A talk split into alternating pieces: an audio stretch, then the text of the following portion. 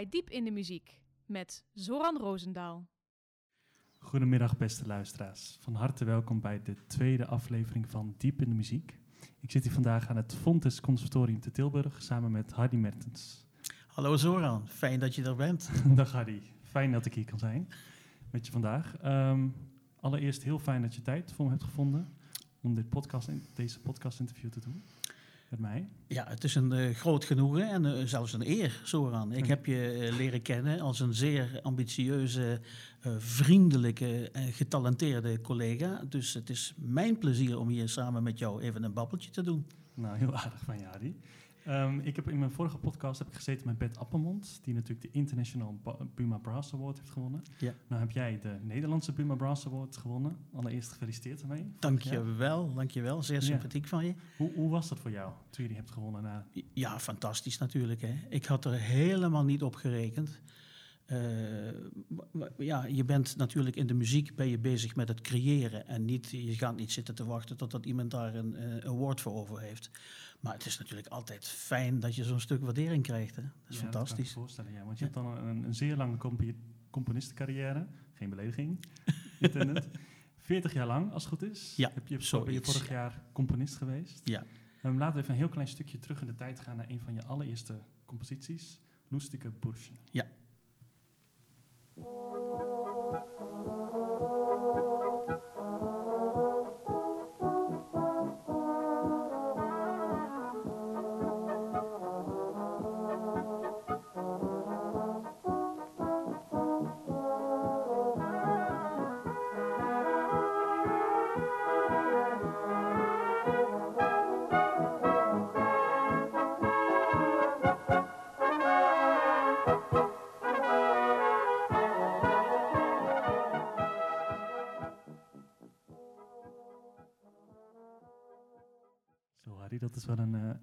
Verschil met de stijl waar je vandaag de dag in schrijft, ja. volgens mij.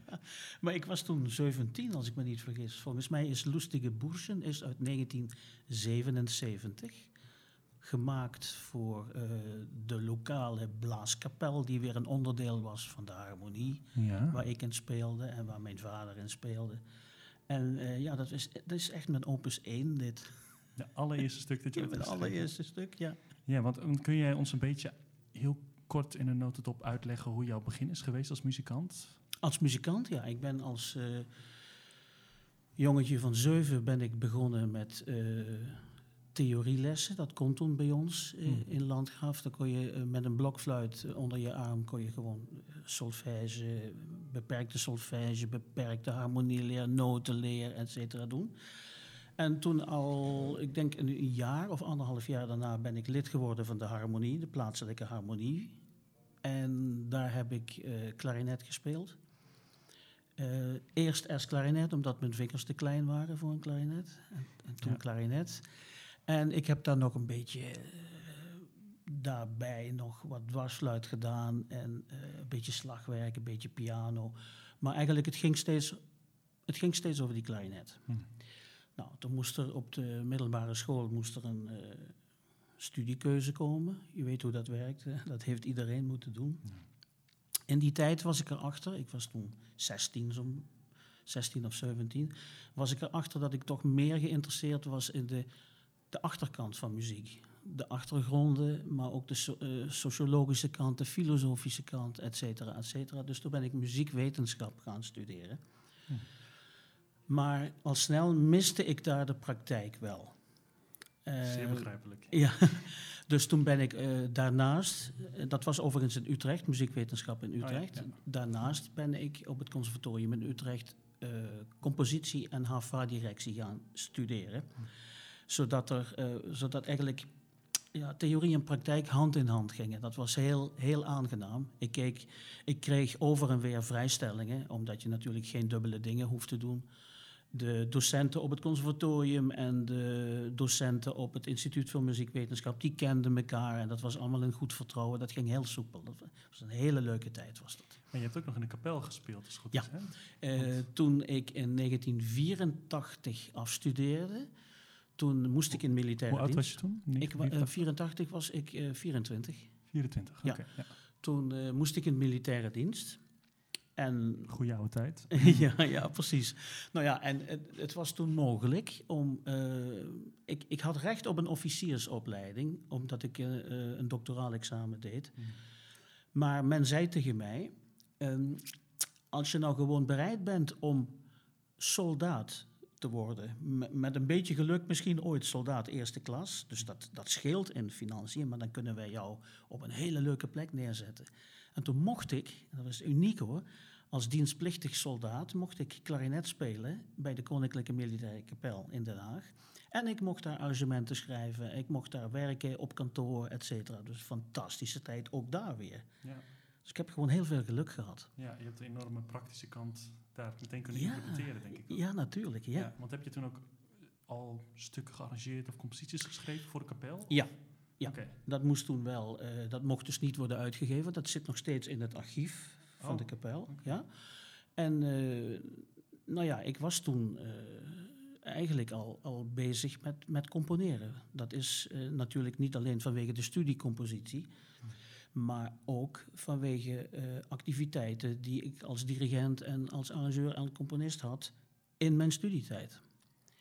En zo is het balletje eigenlijk aan het rollen gekomen. Oké.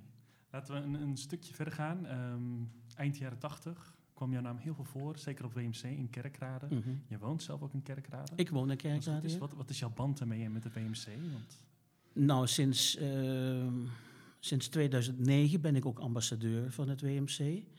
Eh, mijn band is natuurlijk dat ik er eh, te voet heen kan naar al dat moois wat daar gebeurt. ja.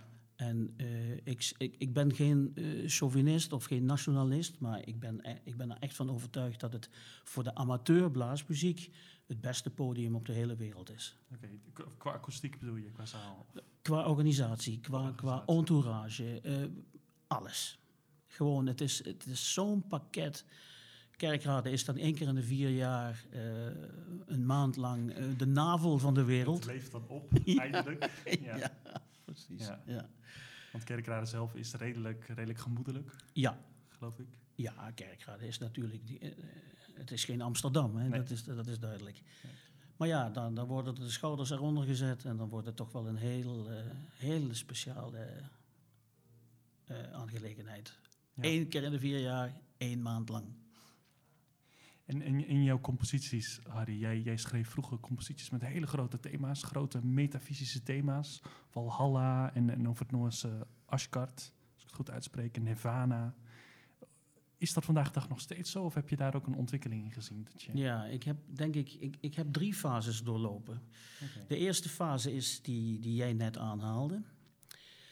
Je bent dan beginnend componist en je wil vooral opscheppen met alles wat je kunt. Ja. Dus je pakt het groots aan. Dan ga je boeken lezen, de Bijbel lezen. Je gaat er van alles en nog wat bij slepen. En dan ga je er zware dingen over schrijven. Mhm. Fase 1. Dat is langzaamaan is dat overgegaan naar eh, geïnspireerd worden door schilderijen, gedichten, bouwwerken. Dus wat, wat korter bij mij eigenlijk.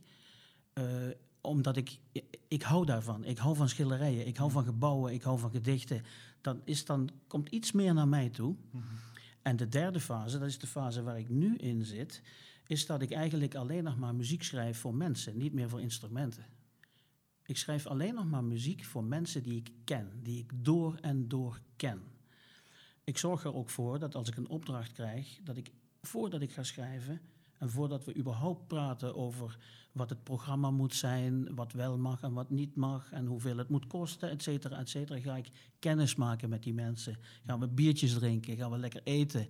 eh, dat er een feeling komt. Je moet een soort van verliefdheid hebben ehm, voor degene waarvoor je schrijft. En, en waarom is dat specifiek? Is dat omdat je echt iets aangepast voor hun wil schrijven? Echt iets heel persoonlijks? Of- Ja, ik, ik ben in de loop der jaren steeds meer de mens achter de muziek gaan waarderen in plaats van het instrument. Ik, ik, ik durf echt te beweren dat als ik twintig jaar geleden iets eh, moest schrijven voor, ik noem nou maar iets, voor cello en harmonieorkest, eh, dan ging het in eerste instantie om die cello. Nou moet ik iets schrijven voor een solist bijvoorbeeld en een harmonieorkest en dan gaat het om die solist. En als die toevallig fluit speelt of toevallig trompet of toevallig euphonium, Hm. dat zien we dan wel. Ja. Maar het gaat eerst om de mens. Ja, precies. Want daar pas je je vakmanschap toch wel op aan. Je hebt zoveel ervaring Ja. met schrijven. Kijk, Soran, het kan zijn dat die fase ook overgaat. Hè? Dat zou kunnen. Ja. Het is, ik, ik merk aan mezelf dat, dat het eigenlijk dat de mens, nogmaals gezegd, eh, steeds belangrijker wordt. Ja. Nou ja, ik denk dat dat ook wel een algemeen ding is. Je hoort vaak, nogmaals met alle respect, maar wat oudere mensen hoor je inderdaad vaak zeggen over een persoonlijke touch, dat het veel belangrijker wordt. Ja. En, en al dat, dat grote ja, eromheen, die opsmuk, dat dat eigenlijk niet meer zo belangrijk is. Dus echt, Je ziet ook maar veel dan moet je componisten in later leven echt ook veel kamermuziek gaan schrijven, bijvoorbeeld. Ja. kleiner. Ja. Het wordt allemaal kleiner, maar het komt daardoor dichterbij. Dichter bij mij en dichter bij degene waar ik voor schrijf. Hm. Het is natuurlijk niet zo dat, ik degene, dat degene waar ik het voor schrijf, dat dat ook de enige is die het stuk mag spelen. Ja. Als het stuk gemaakt is en daar zit al die energie en al die liefde in voor degene waar ik het voor gemaakt heb, dan mag het natuurlijk ook door anderen gespeeld worden. Anders dan zou het een hele eenzame bedoeling worden natuurlijk. Hè. Want er zit ook nog eens een uitgever achter die het ook leuk vindt als een stuk meer dan één keer verkoopt. hè. Ja, ja. Is, is, dat, is dat, ja, nou misschien niet lastig voor je, maar is dat niet altijd een, een, een, een, een moeilijk pakket waar je in zit? Want een uitgeverij die wil eigenlijk, laten we heel eerlijk zijn, die wil gewoon verkopen, muziek, zoveel mogelijk. En jij, bent, jij wil heel artistiek zijn in je eigen, in je eigen plan trekken. Nou, wat dat betreft heb ik, eh, zit ik op rozen met mijn uitgever. Oké. We zijn sowieso eh, ontzettend goed bevriend. Hm. En we hebben ooit een gentleman agreement, eh, agreement gemaakt. Dat alles wat ik aanbied, alles wat ik maak, sorry, alles wat ik schrijf, moet ik aan hem aanbieden. Ik mag niet naar iemand anders Nee, gaan. dat hebben heel veel uitgeverijen, klopt. Ja. Maar hij accepteert alles wat ik schrijf. Oké, dat is, eh, heb je goed voor elkaar dan. Ja. ja. En welke, welke uitgeverij is dat? Dat is Havabra. Music Louis Martinez in Voeren in Bel- Ja, België. want Kort bij Maastricht. Oké, want daar kunnen mensen ook jouw muziek vinden dus Ja. en bestellen. Ja. En op de site kijken voor, eh, Ja. voor veel luistervoorbeelden. Ja. Oké. En, en, je, en je hebt ook veel samengewerkt dus met, met kunstenaars, zeg je. Ik ik heb internet ook meerdere stukken gevonden waarbij je muziek schreef gebaseerd op een gedicht. Bijvoorbeeld Rituals, ook Ja. al een tijdje terug. Maar Ja. hoe, wat is dat sp- specifiek aan poëzie wat jou, wat jou raakt? Want er zullen veel jonge luisteraars zijn die denken, poëzie, eh, het zal me allemaal wel. Ja. Ja, dat, is natuurlijk, dat is natuurlijk ook persoonlijk zo. Hè. Kijk, ehm, ik, ben, ik ben zelf heel slecht met woorden. Ik kan best wel ehm, doelgericht iets in noten vertalen, maar veel minder makkelijk in woorden. En ik denk dat ik dat gemis aan de ene kant van mijzelf en aan de andere kant de bewondering voor degene die dat wel kan, dat me dat enorm stimuleert. En dat, dat ik die verbinding daardoor zoek en vind met, met mijn muziek. Ik kan, ik kan heel erg geëmotioneerd worden door woorden. Waarschijnlijk omdat ik zelf die kracht niet heb om. Zo te zijn in woorden. Ja, dus je, je kan het wel appreciëren, je kan het echt waarderen, je voelt het. Je bent ook echt een gevoelsmens als ik het zo hoor. Ja. Je hebt alleen, he- alleen helaas niet die creatieve gave voor woorden, wat dat Ja, betreft, maar ja. wel voor muziek. Ja, daar heb ik dan echt iemand voor nodig. Ja. En dan, als het dan ook nog iemand is die ik persoonlijk ken en bewonder, dan komt het nog dichterbij. Ja. Dan zijn het de woorden van iemand die ik dus letterlijk kan aanraken. Ja. Komen ze niet uit een of andere ver weg bibliotheek of zo. Ja. In ons voorgesprek, twee maanden geleden, toen zaten we aan, aan een wijntje. Op dat moment, Ja, dat, dat doen wij op school hier niet. Nee, dat doen we hier op school niet, helaas. Toen heb je mij verteld dat het voor jou heel belangrijk is om input juist van andere mensen te hebben, omdat dat jou, jouw creatieve stimulans zin geeft. Mhm. En zonder dat, zonder de andere mensen, komt er eigenlijk niks uit, zei je op zo'n moment. Je hebt dat echt nodig. Ja, dat klopt. dat, vind ik heel, dat vind ik een heel interessant iets. En ik denk dat heel veel componisten dat niet zozeer hebben met andere mensen. Hoe, hoe komt dat? Was dat vroeger ook zo in je begin van je Nee, dat is nu echt mijn derde fase. Hè. Dat is nu echt deze fase. Dat is ja. deze fase. Dat ik, eh, ik heb echt afscheid genomen van al dat pompeuze werk en dat een beetje dikdoenerige werk dat ik vroeger gemaakt heb. Mhm. Niet dat ik nou ook die stukken allemaal wil verbranden, dat bedoel ik nou ook weer niet. Maar ik, ik, ik trek daar wel mijn lering uit. Ik, ik zeg van oké, dat heb ik al gedaan en dat hoeft voor mij niet meer. Hmm. En ja, het is denk ik niet de muziek die mij die weg wijst. Het is gewoon een karaktertrek of het is gewoon een, een, een, verandering van je karakter of een ontwikkeling van je karakter. En die weg volg ik. Oké, het is ook niet dat je het stuurt, absoluut niet. Je laat Nee. het eigenlijk gewoon puur gebeuren. Ik laat het gewoon gebeuren. Ja, ja. dus even laisser aller. Ik, het, is, eh, het is gewoon, ik voel het aan mezelf dat ik die kant op ga. Ik accepteer dat Hmm. En ik vertaal het dan wel in muziek. Want ja, daar ben ik voor. Ik kan niks anders dan muziek schrijven. Nee. Ik kan nog geen spijker recht in de muur krijgen en zo. Dat is echt een drama.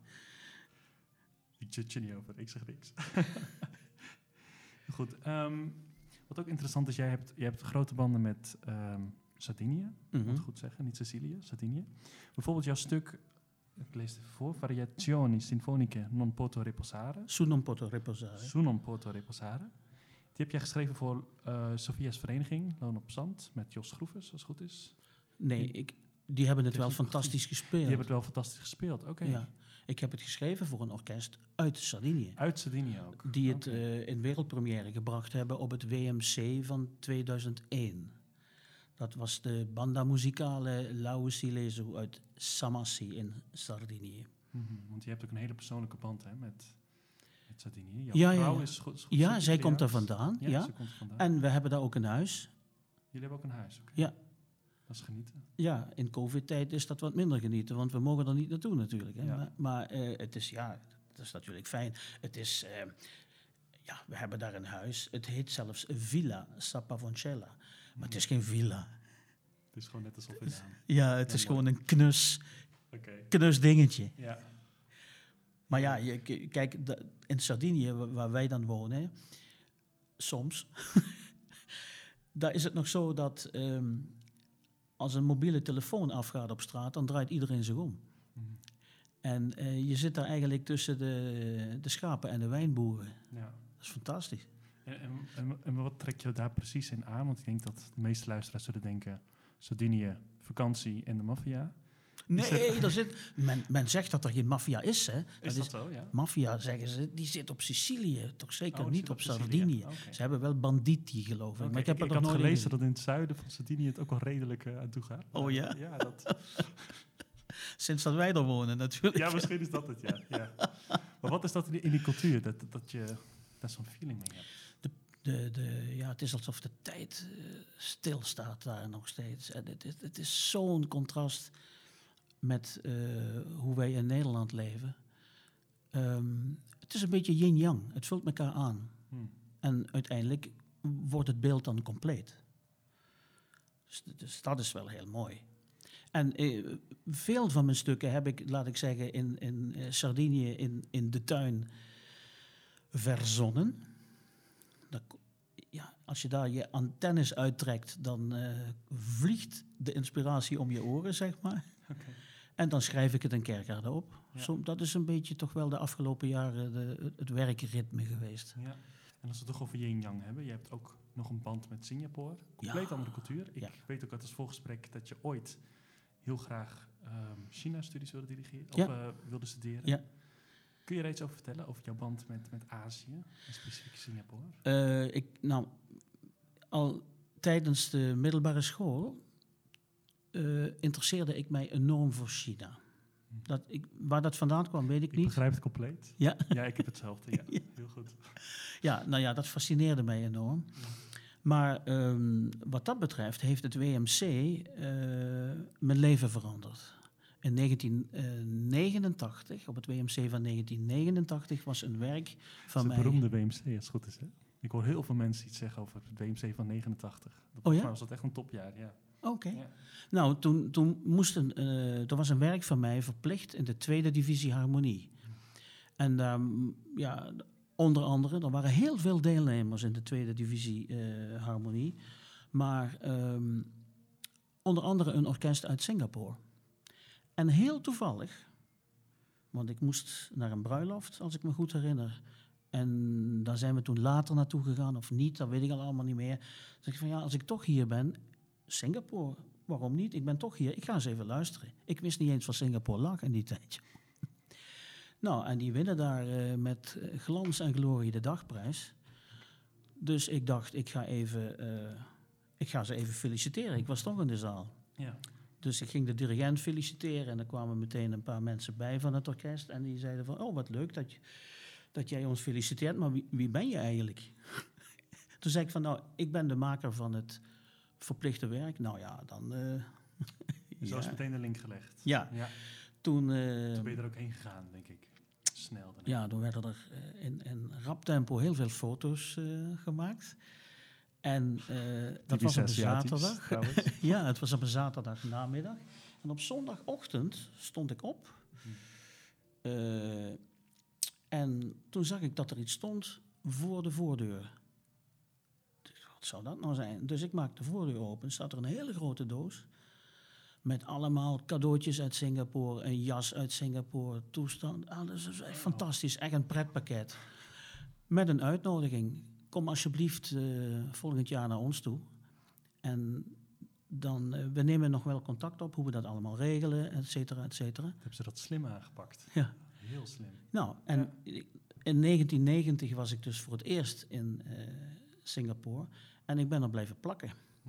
Ik ben er inmiddels 34 keer geweest. En was het toen ook al zo high-tech als we vandaag de dag zien?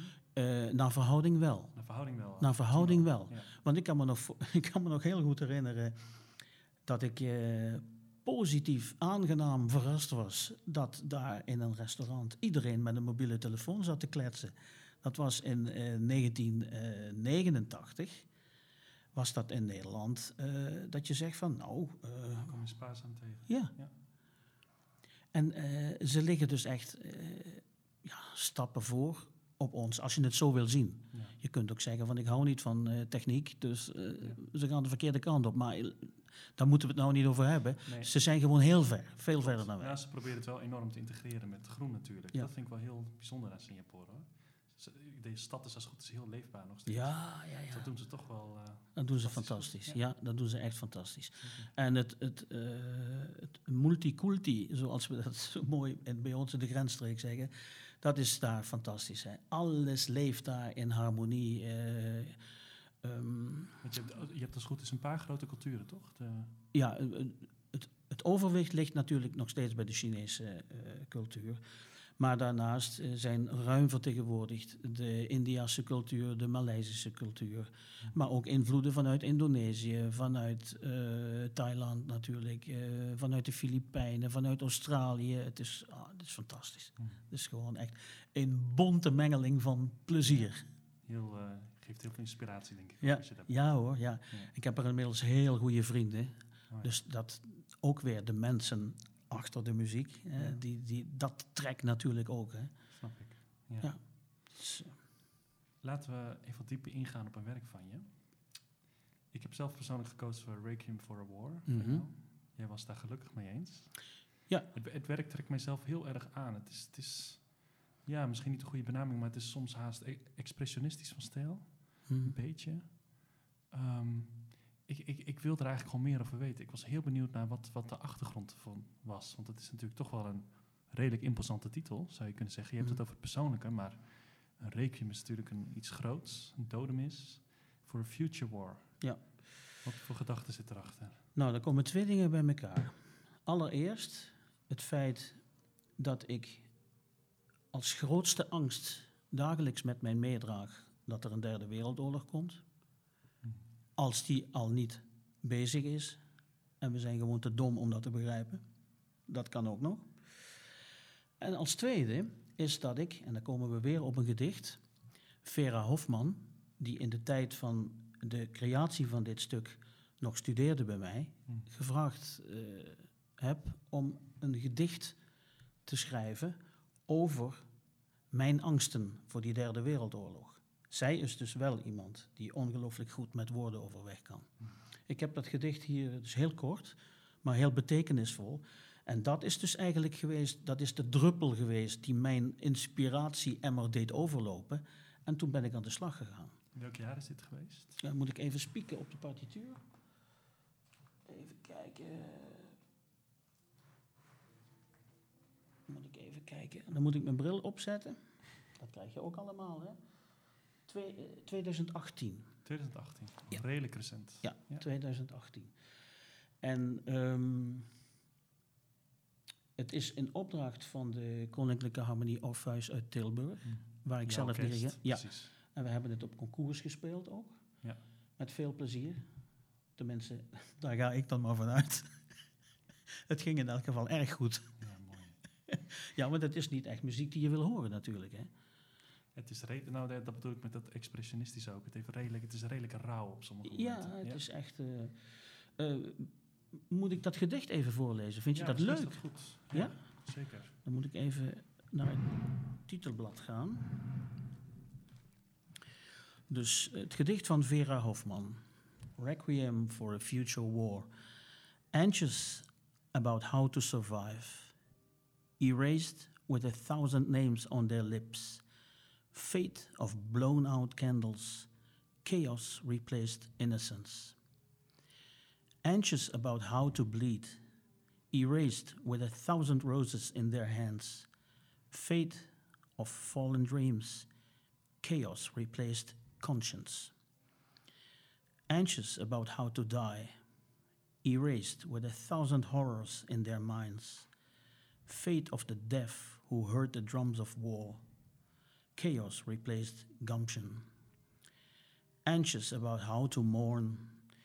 Erased with a thousand tears on their graves fate of our own tantalization, chaos, madness, emptiness, sadness. Ja, en dan, eh, dan heb je me dus helemaal als je me zo'n woordencadeau doet. Een zeer zwaarlijvig gedicht. Ja. ja zeker. Zullen we een stukje naar gaan luisteren? Naar het stuk. Goed idee. Luisteren naar het begin van Requiem for a Future War.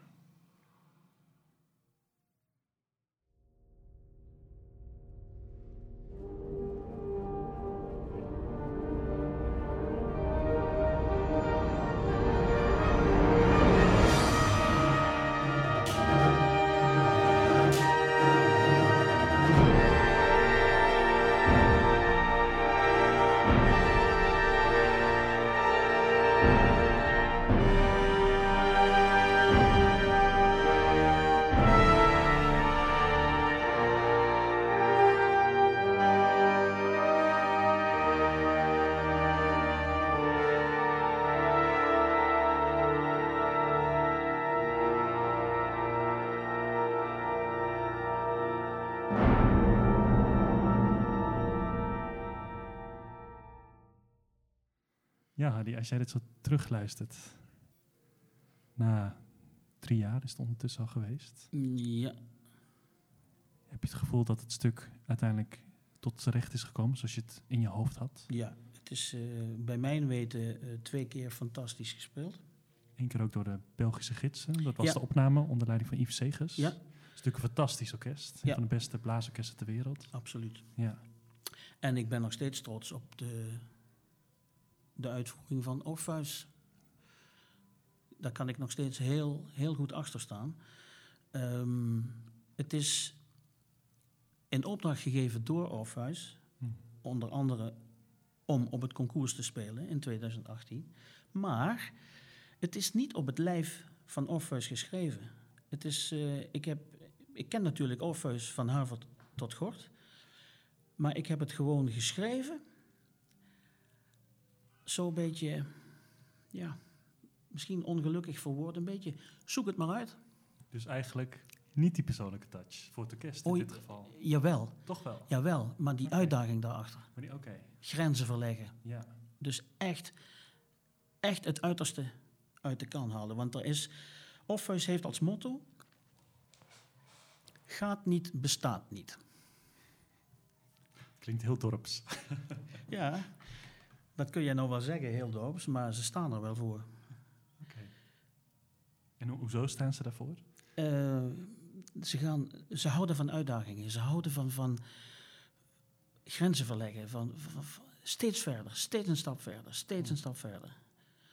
Dus ja, dat is natuurlijk gefundenes fressen voor een, eh, voor een componist. hè. En, en vonden ze het om, om het werk te spelen uiteindelijk?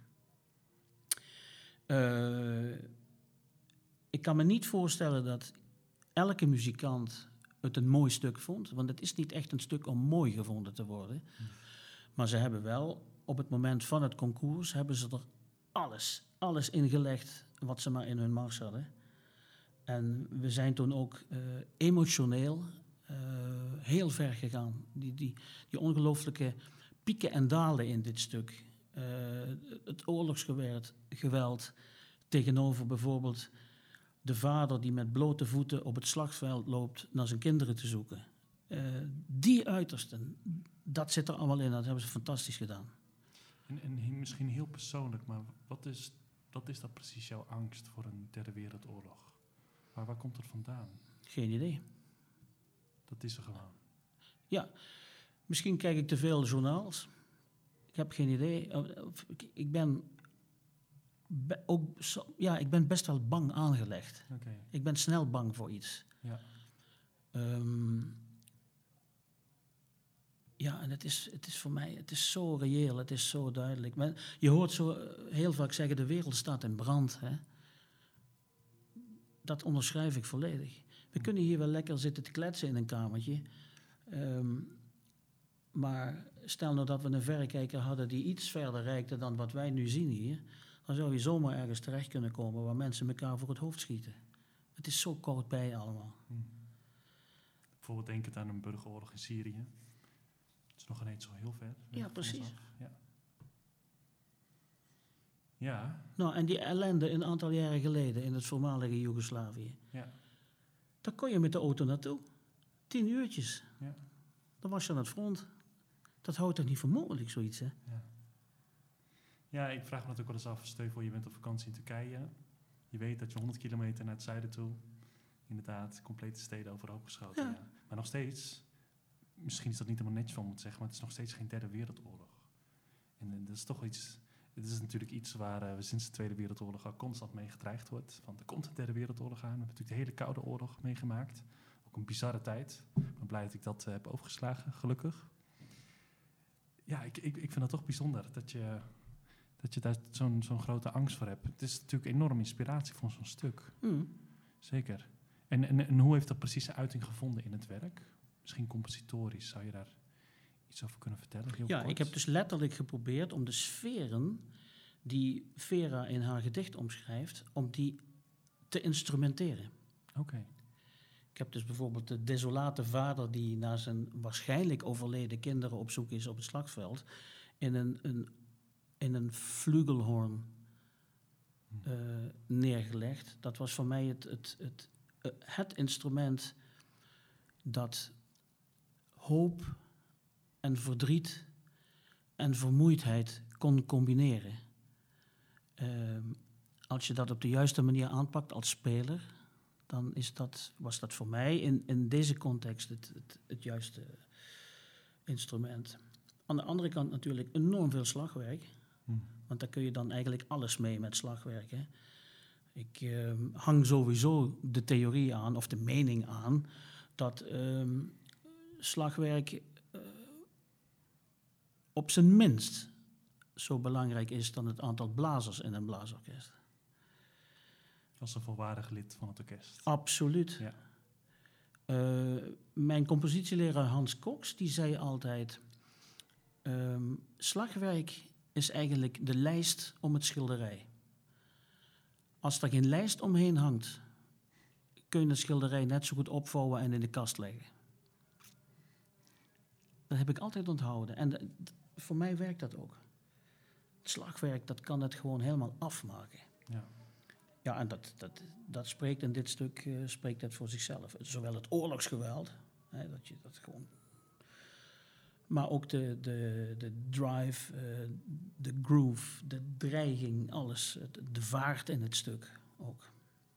Ik sprak eh, vorige week Jan van der Roost en die, die hangt hetzelfde principe aan inderdaad. Het slagwerk als een volledig geïntegreerd onderdeel van het orkest. Absoluut. Ja. Ja. En zeker in de blaasmuziek is dat natuurlijk zo. Ja.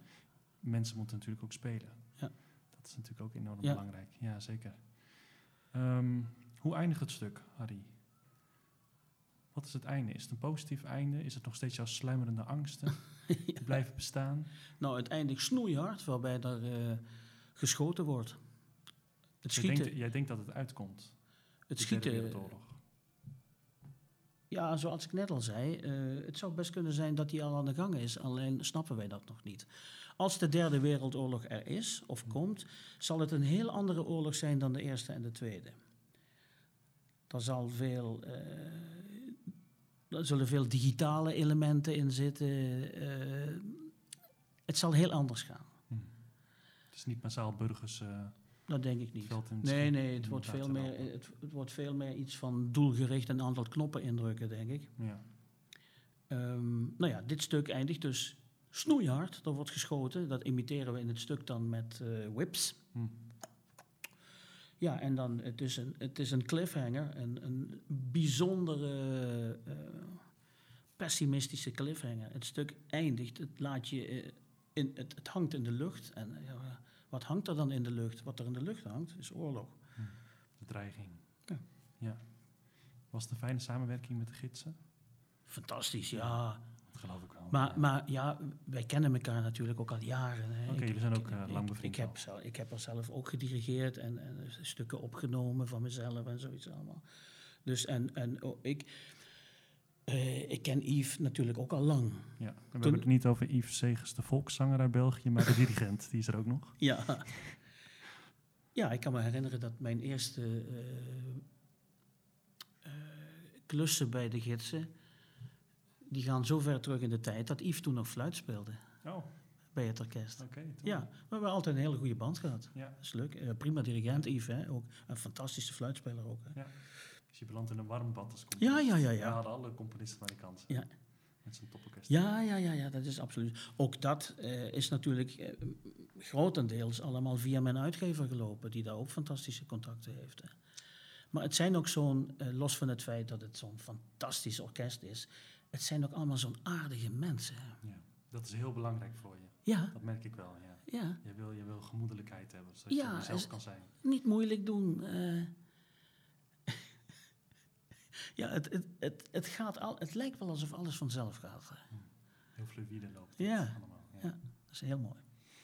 Ehm, wij zitten nu in het conservatorium.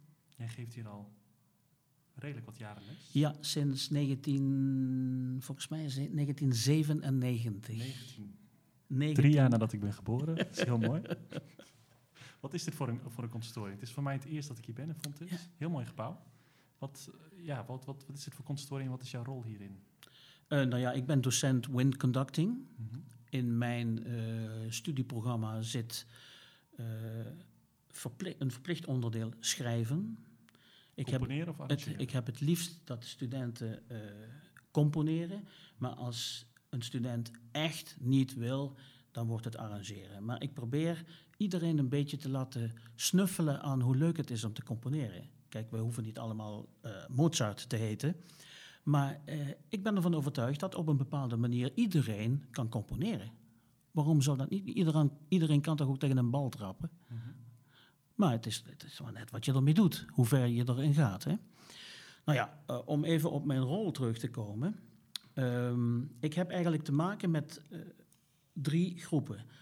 Dat zijn de bachelors, en dat zijn de masters, en de contractstudenten, oftewel de post-HBO-mensen. Dat, dat is dan samen. Hè? In de bachelor hier eh, doe ik eh, tweede, derde en vierdejaars modules met drie ingrediënten: slagtechniek, repetitietechniek en schrijven. Eh, als COVID geen rare dingen uithaalt, wat helaas dit jaar dus wel zo is, dan vormen we steeds een ensemble, eh, bestaande dan uit de studenten die zich inschrijven voor zo'n module. En eh, daar, daar gaan we dan mee aan de slag. Dus elke student schrijft daar iets voor, studeert het met het ensemble in. En uiteindelijk bij een slotuitvoering komt het dan ook als onderdeel op een presentatieconcert terecht. Voor de masters eh, denk ik dat het vrij uniek is, en corrigeer me als het niet zo is, dat de stu- masterstudenten hier budget krijgen om te studeren. Oké. Om betalen, eigen projecten op te... eh, nee, ze betalen dan wel collegegeld, Ja. Maar ze krijgen, dat, ze krijgen een, een, een, virtueel budget dat ze mogen uitgeven aan het volgen van masterclasses, aan het volgen van eh, lessen bij externe docenten, eh, aan het eh, organiseren van projecten. Je kunt het zo gek niet bedenken als het maar een link met het vak heeft. Mhm. En dat is natuurlijk fantastisch. Daardoor kun je dus als docent, en dat vind ik zo ongelooflijk leuk, maar ook belangrijk, kun je elke student als een uniek persoon behandelen. Ingaan op zijn of haar wensen en bijsturen wat dat nodig is. En je ziet dan ook, ik heb op dit moment zes masterstudenten, dat die allemaal een totaal ander pakket hebben. Die ontwikkelen zich echt puur individueel. Ja, ze krijgen eigenlijk complete vrijheid als het ware. Ja, ik stuur dan bij waar nodig is, maar we, doen, we maken in, in onderling overleg maken we een studieprogramma. En eh, ik, ik, ben daar echt, echt, echt alert op. Ik, dat een student zich dan ook 100% happy doet met wat hij studeert. Ja, hij moet nooit, hij of zij moet nooit iets studeren omdat ik dat zeg. Hij of zij moet dat willen, moet er iets voor voelen, moet er 100% voor gaan. Zeker in de master. Ja. Ja. Kijk, en dan krijg je, dan heb je een, persoonlijk, eh, een persoonlijke band met zo'n student. En ja, dat, dat wordt gewoon, eh, dat is gewoon fantastisch om te doen. Nou, de, de contractstudenten of de post-HBO-studenten, die eh, kopen dan letterlijk een aantal lessen. En die zijn dan vrij om te bepalen hoe ze die invullen. Bijvoorbeeld een student die komt, nou, ik, wil, ik koop eh, tien lessen bijvoorbeeld. En ik wil me eens verdiepen in het arrangeren van orgelmuziek voor harmonieorkest. Dit is maar een voorbeeld. Hè? Maar je hebt ook ehm, studenten die komen, nou, ik ben al zo lang geleden afgestudeerd en al een aantal jaren in de praktijk. Ehm, zullen we nog eens een aantal lesjes doen om nog eens te kijken of mijn slagtechniek nog wel op orde is? Snap je? Dus ook daar heb je dan die individuele aandacht weer. Ja. Om het plaatje compleet te maken. Ik voel me heel erg gelukkig hier op dit instituut. En dat komt met name omdat mijn eh, eh, leidinggevenden, om het zo maar eens te noemen, en eh, collega's van de organisatie van de directie, ehm, allemaal met mij zo'n fijn contact hebben. Het is, we zijn, het is op zo'n eh, eh, volwassen manier, zo'n vriendelijke manier, maar wel kritische manier, georganiseerd hier, dat ik hier echt, ik kom gewoon fluitend naar mijn werk hier. Gewoon heel professioneel. Ja, Ja. En collegiaal. ja maar, maar vooral ook geolied. Oké. Daar wordt, daar wordt, niet, eh daar wordt niet geëmmerd hier. Er wordt heel, heel direct, met korte lijnen, wordt er gewerkt. En er wordt gewoon er wordt gedaan wat men zegt. Ja. En dat, dat, dat vind ik heel fijn. Oké. Het klinkt als het noorden van Nederland eigenlijk. Als ik dat zo hoor. Ja, Die mentaliteit. Ja, grappig. ja. Ja. nou, z- zo is het hier. Ja. Oh, dat is wel heel fijn, ja. Ja. En je hebt ook de vrijheid om, om je eigen plan te trekken. Ja, natuurlijk. Dat Ik fijn. koppel wel steeds alles wat ik met studenten afspreek, Eh, koppel ik wel steeds terug natuurlijk. Hè. Het is niet zo dat we hier dan, laat ik maar zeggen, totaal eh, in het wilde weg maar iets doen. Dat kan natuurlijk niet. Maar dus de directie weet wel wat ik inhoudelijk doe met mijn studenten. Ja. Maar voor de verdere rest, ja, je, je krijgt daardoor, ehm, laat ik zeggen, een, een stuk artistieke vrijheid die een meerwaarde heeft voor de opleiding. Daar ben ik van overtuigd. Wij gebruiken ook geen boeken die we dan hier doorlezen en vragen over stellen. We zijn heel erg alert op de actualiteit, hoe de actualiteit zich ontwikkelt. We houden websites bij, webinars bij. eh, we, kijken naar ontwikkelingen van instrumenten, we kijken naar een nieuw repertoire, eh et cetera. Dus echt go with the flow. Want koop vandaag een boek en het is morgen al achterhaald. Hè. Dat is vaak zo. Hè. Mhm. Internet is veel adequater dan geschreven materiaal. Geschreven materiaal is natuurlijk wel romantisch. Hè. Het is mooi als je een boekenkast hebt thuis. Zeker. Ja. En soms heb je wel echt van die dikke werken, zo'n instrumentatieboek van Korsakov, wat toch wel belangrijk blijft. Ja, tuurlijk. Zeker. Ja. Tuurlijk, maar je, kunt, je verbaast je erover hoeveel je ook van internet kunt afhalen. Klopt. Hè? Dat is Dat echt... is zeker- ja, dat klopt. Zeker. Ja. En, jij bent dus ook bezig met, met het aanleren van componeren, als het ware, met de nou, studenten hier. ik ben dus geen compositiedocent, Nee, precies. maar als onderdeel van eh, mijn eh, curriculum eh wind conducting vind ik dat er geschreven moet worden. Hm. Ik denk dat als je als aankomend dirigent ook een keer de pet van schrijven op hebt, dat dat mes aan twee kanten snijdt. Dat je daar een Krijgt een andere... compleet ander inzicht. ja. Daar geloof ik, echt, eh, geloof ik echt in. Nou, en niet iedereen heeft daar dezelfde ambities in. En niet iedereen misschien ook dezelfde kwaliteiten in. Maar dat maakt niet uit. Probeer het toch gewoon eens. Hè. Doe er eens wat mee. Dat is interessant, hè? Vroeger was dat... Vroeger, dan hebben we het over meer dan 200 jaar geleden... maar was dat zo geïntegreerd bij muzikanten om ook te leren te schrijven. Mhm. Ik ben nu een boek aan het lezen, eh Verzoek des Ware uit spielen van C.P. Bach, is dat. En die zit kritiek te leveren op andere mensen die het boek hebben geschreven, omdat hij zegt, ja, die mensen hebben totaal geen inzage als componist. Dat is enorm belangrijk, ook om, zelfs voor hem, piano eigenlijk te leren begrijpen, om daar een goed didactisch materiaal over te schrijven. Mhm. Dus ik vind eigenlijk wel, ja, ik ben er zelf enorm voor om, om inderdaad de beginselen van compositie aan te leren. Ik denk dat het heel belangrijk is. Ja. Ehm, en ik denk dat heel veel luisteraars ook wel benieuwd zijn eigenlijk. Ik heb het ook aan Bert gevraagd, maar wat, wat zou jouw advies zijn aan jonge componisten? Het eerste wat jou te binnen schiet, wat heel belangrijk is. Lef, durven. Durven. Ja, durven. We leven in de 21ste eeuw. Is goed zo. Ja, ik moet altijd even nadenken. ja. En eh, ja, alles kan, hè? Alles kan. Alles kan, zeker. Alles kan. Ja. Dus waarom zou je je eh, bij voorbaat afsluiten voor die mogelijkheid die je hebt? Er is weinig, ehm, laat ik zeggen, controle op wat je schrijft in de zin van, ja, als er kwintparallellen in zitten, dan is het geen goed stuk. Daar zijn we gelukkig vanaf. Ja. Hè? Dus ik zou zeggen, ga ervoor. Ga er gewoon voor. Mhm. Vooral lef. Het is de, de- mocht je al een emotionele blokkade hebben, doe die de deur uit. Doe die, ja, zo. Ik weet niet of dat zo makkelijk gaat, Hadi. Doe die de deur uit, dat was het. Maar... Oké, lef. Maar tegelijkertijd wil je wel dat mensen je muziek uitvoeren natuurlijk. Ik weet van, er zijn ook componisten, ik weet van in Amsterdam, die schrijven zulke complexe stukken dat iedereen, ja, niemand gaat dat eigenlijk echt uitvoeren. Ja, oké, maar daar moet je dan als docent voor waken natuurlijk. Hè? Precies, ja. Nee, Daar moet je wel...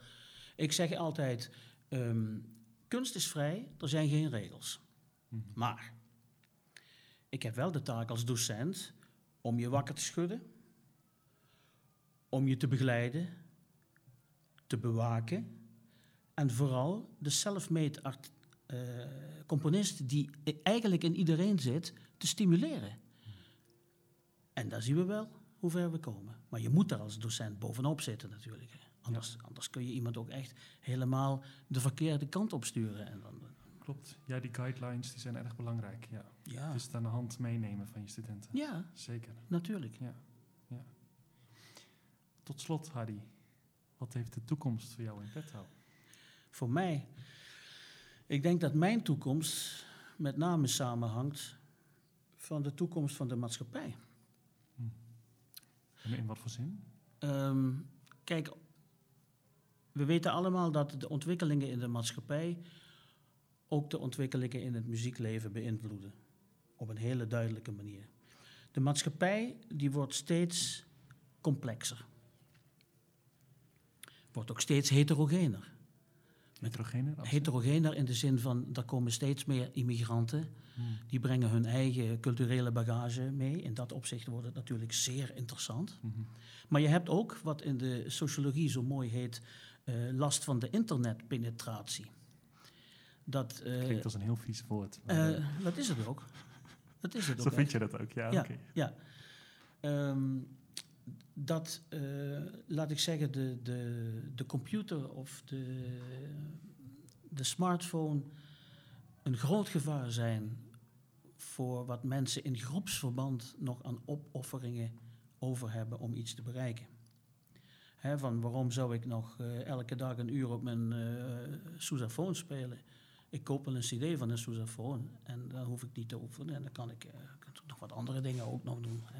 Er is zoveel concurrentie. En eh, daardoor denk ik dat de ambities binnen de amateurblaasmuziek zouden kunnen veranderen. Ehm, aan de ene kant misschien iets heel erg leuks, dat je over 30 jaar ziet dat orkestvormen wat flexibeler geworden zijn. Dat het helemaal niet meer gek is dat er bijvoorbeeld, ik zeg nog maar iets, hè, dat er accordeons eh, of gitaren eh, zo'n beetje standaard in een harmonieorkest zitten of fanfareorkest zitten. Een ander ding is dat misschien mensen meer waarde gaan hechten aan festivals dan aan concoursen.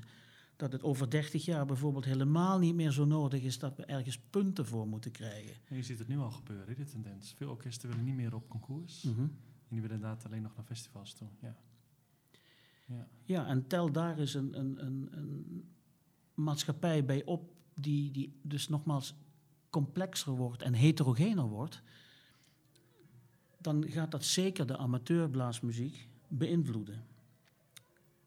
En als het de amateurblaasmuziek beïnvloedt, beïnvloedt het ook mijn leven. Ja. Want ik ga dus echt geen carrière switch meer maken, dat begrijp je wel. Hè? Als het goed Je gaat met de de laatste paar blaasmuziek, jaren even omscholen tot eh ICT'er of zo. badmeester. Badmeester. Nee, kijk, ik, eh, de amateurblaasmuziek is mijn leven. En eh, als het daar goed mee gaat, gaat het met mij ook goed. En als het daar slecht mee gaat, gaat het met mij hoogstwaarschijnlijk ook slecht. Hmm. Stel je nou maar eens voor dat mensen zeggen... Ach, die flauwekul, compositie, opdrachten. Er zijn zoveel stukken, we vinden altijd wel wat. Waar moeten we daar nog geld aan uitgeven? Nou, dan sta je mooi te kijken als componist, hè? Mhm. Natuurlijk schrijf je dan nog, want je moet schrijven. Als je een echte componist bent, moet je schrijven. Maar het is altijd. Kijk, geld maakt niet gelukkig, zeggen ze dan. Maar het kalmeert wel de zenuwen. Hè? Als, ik bedoel, als, als, als je betaald wordt voor een opdracht en je krijgt daar, mooi, ja, je krijgt daar mooie centjes voor, dat is mooi meegenomen. Hè? Ja. Stel dat dat zou verdwijnen. Of stel dat orkesten zeggen van ja, waarom moeten wij nog wekelijks repeteren? We gaan het pro- projectmatig doen. Dirigent, kom maar. Alleen maar als we een project hebben. Dat heeft ook consequenties. Ja. Hè?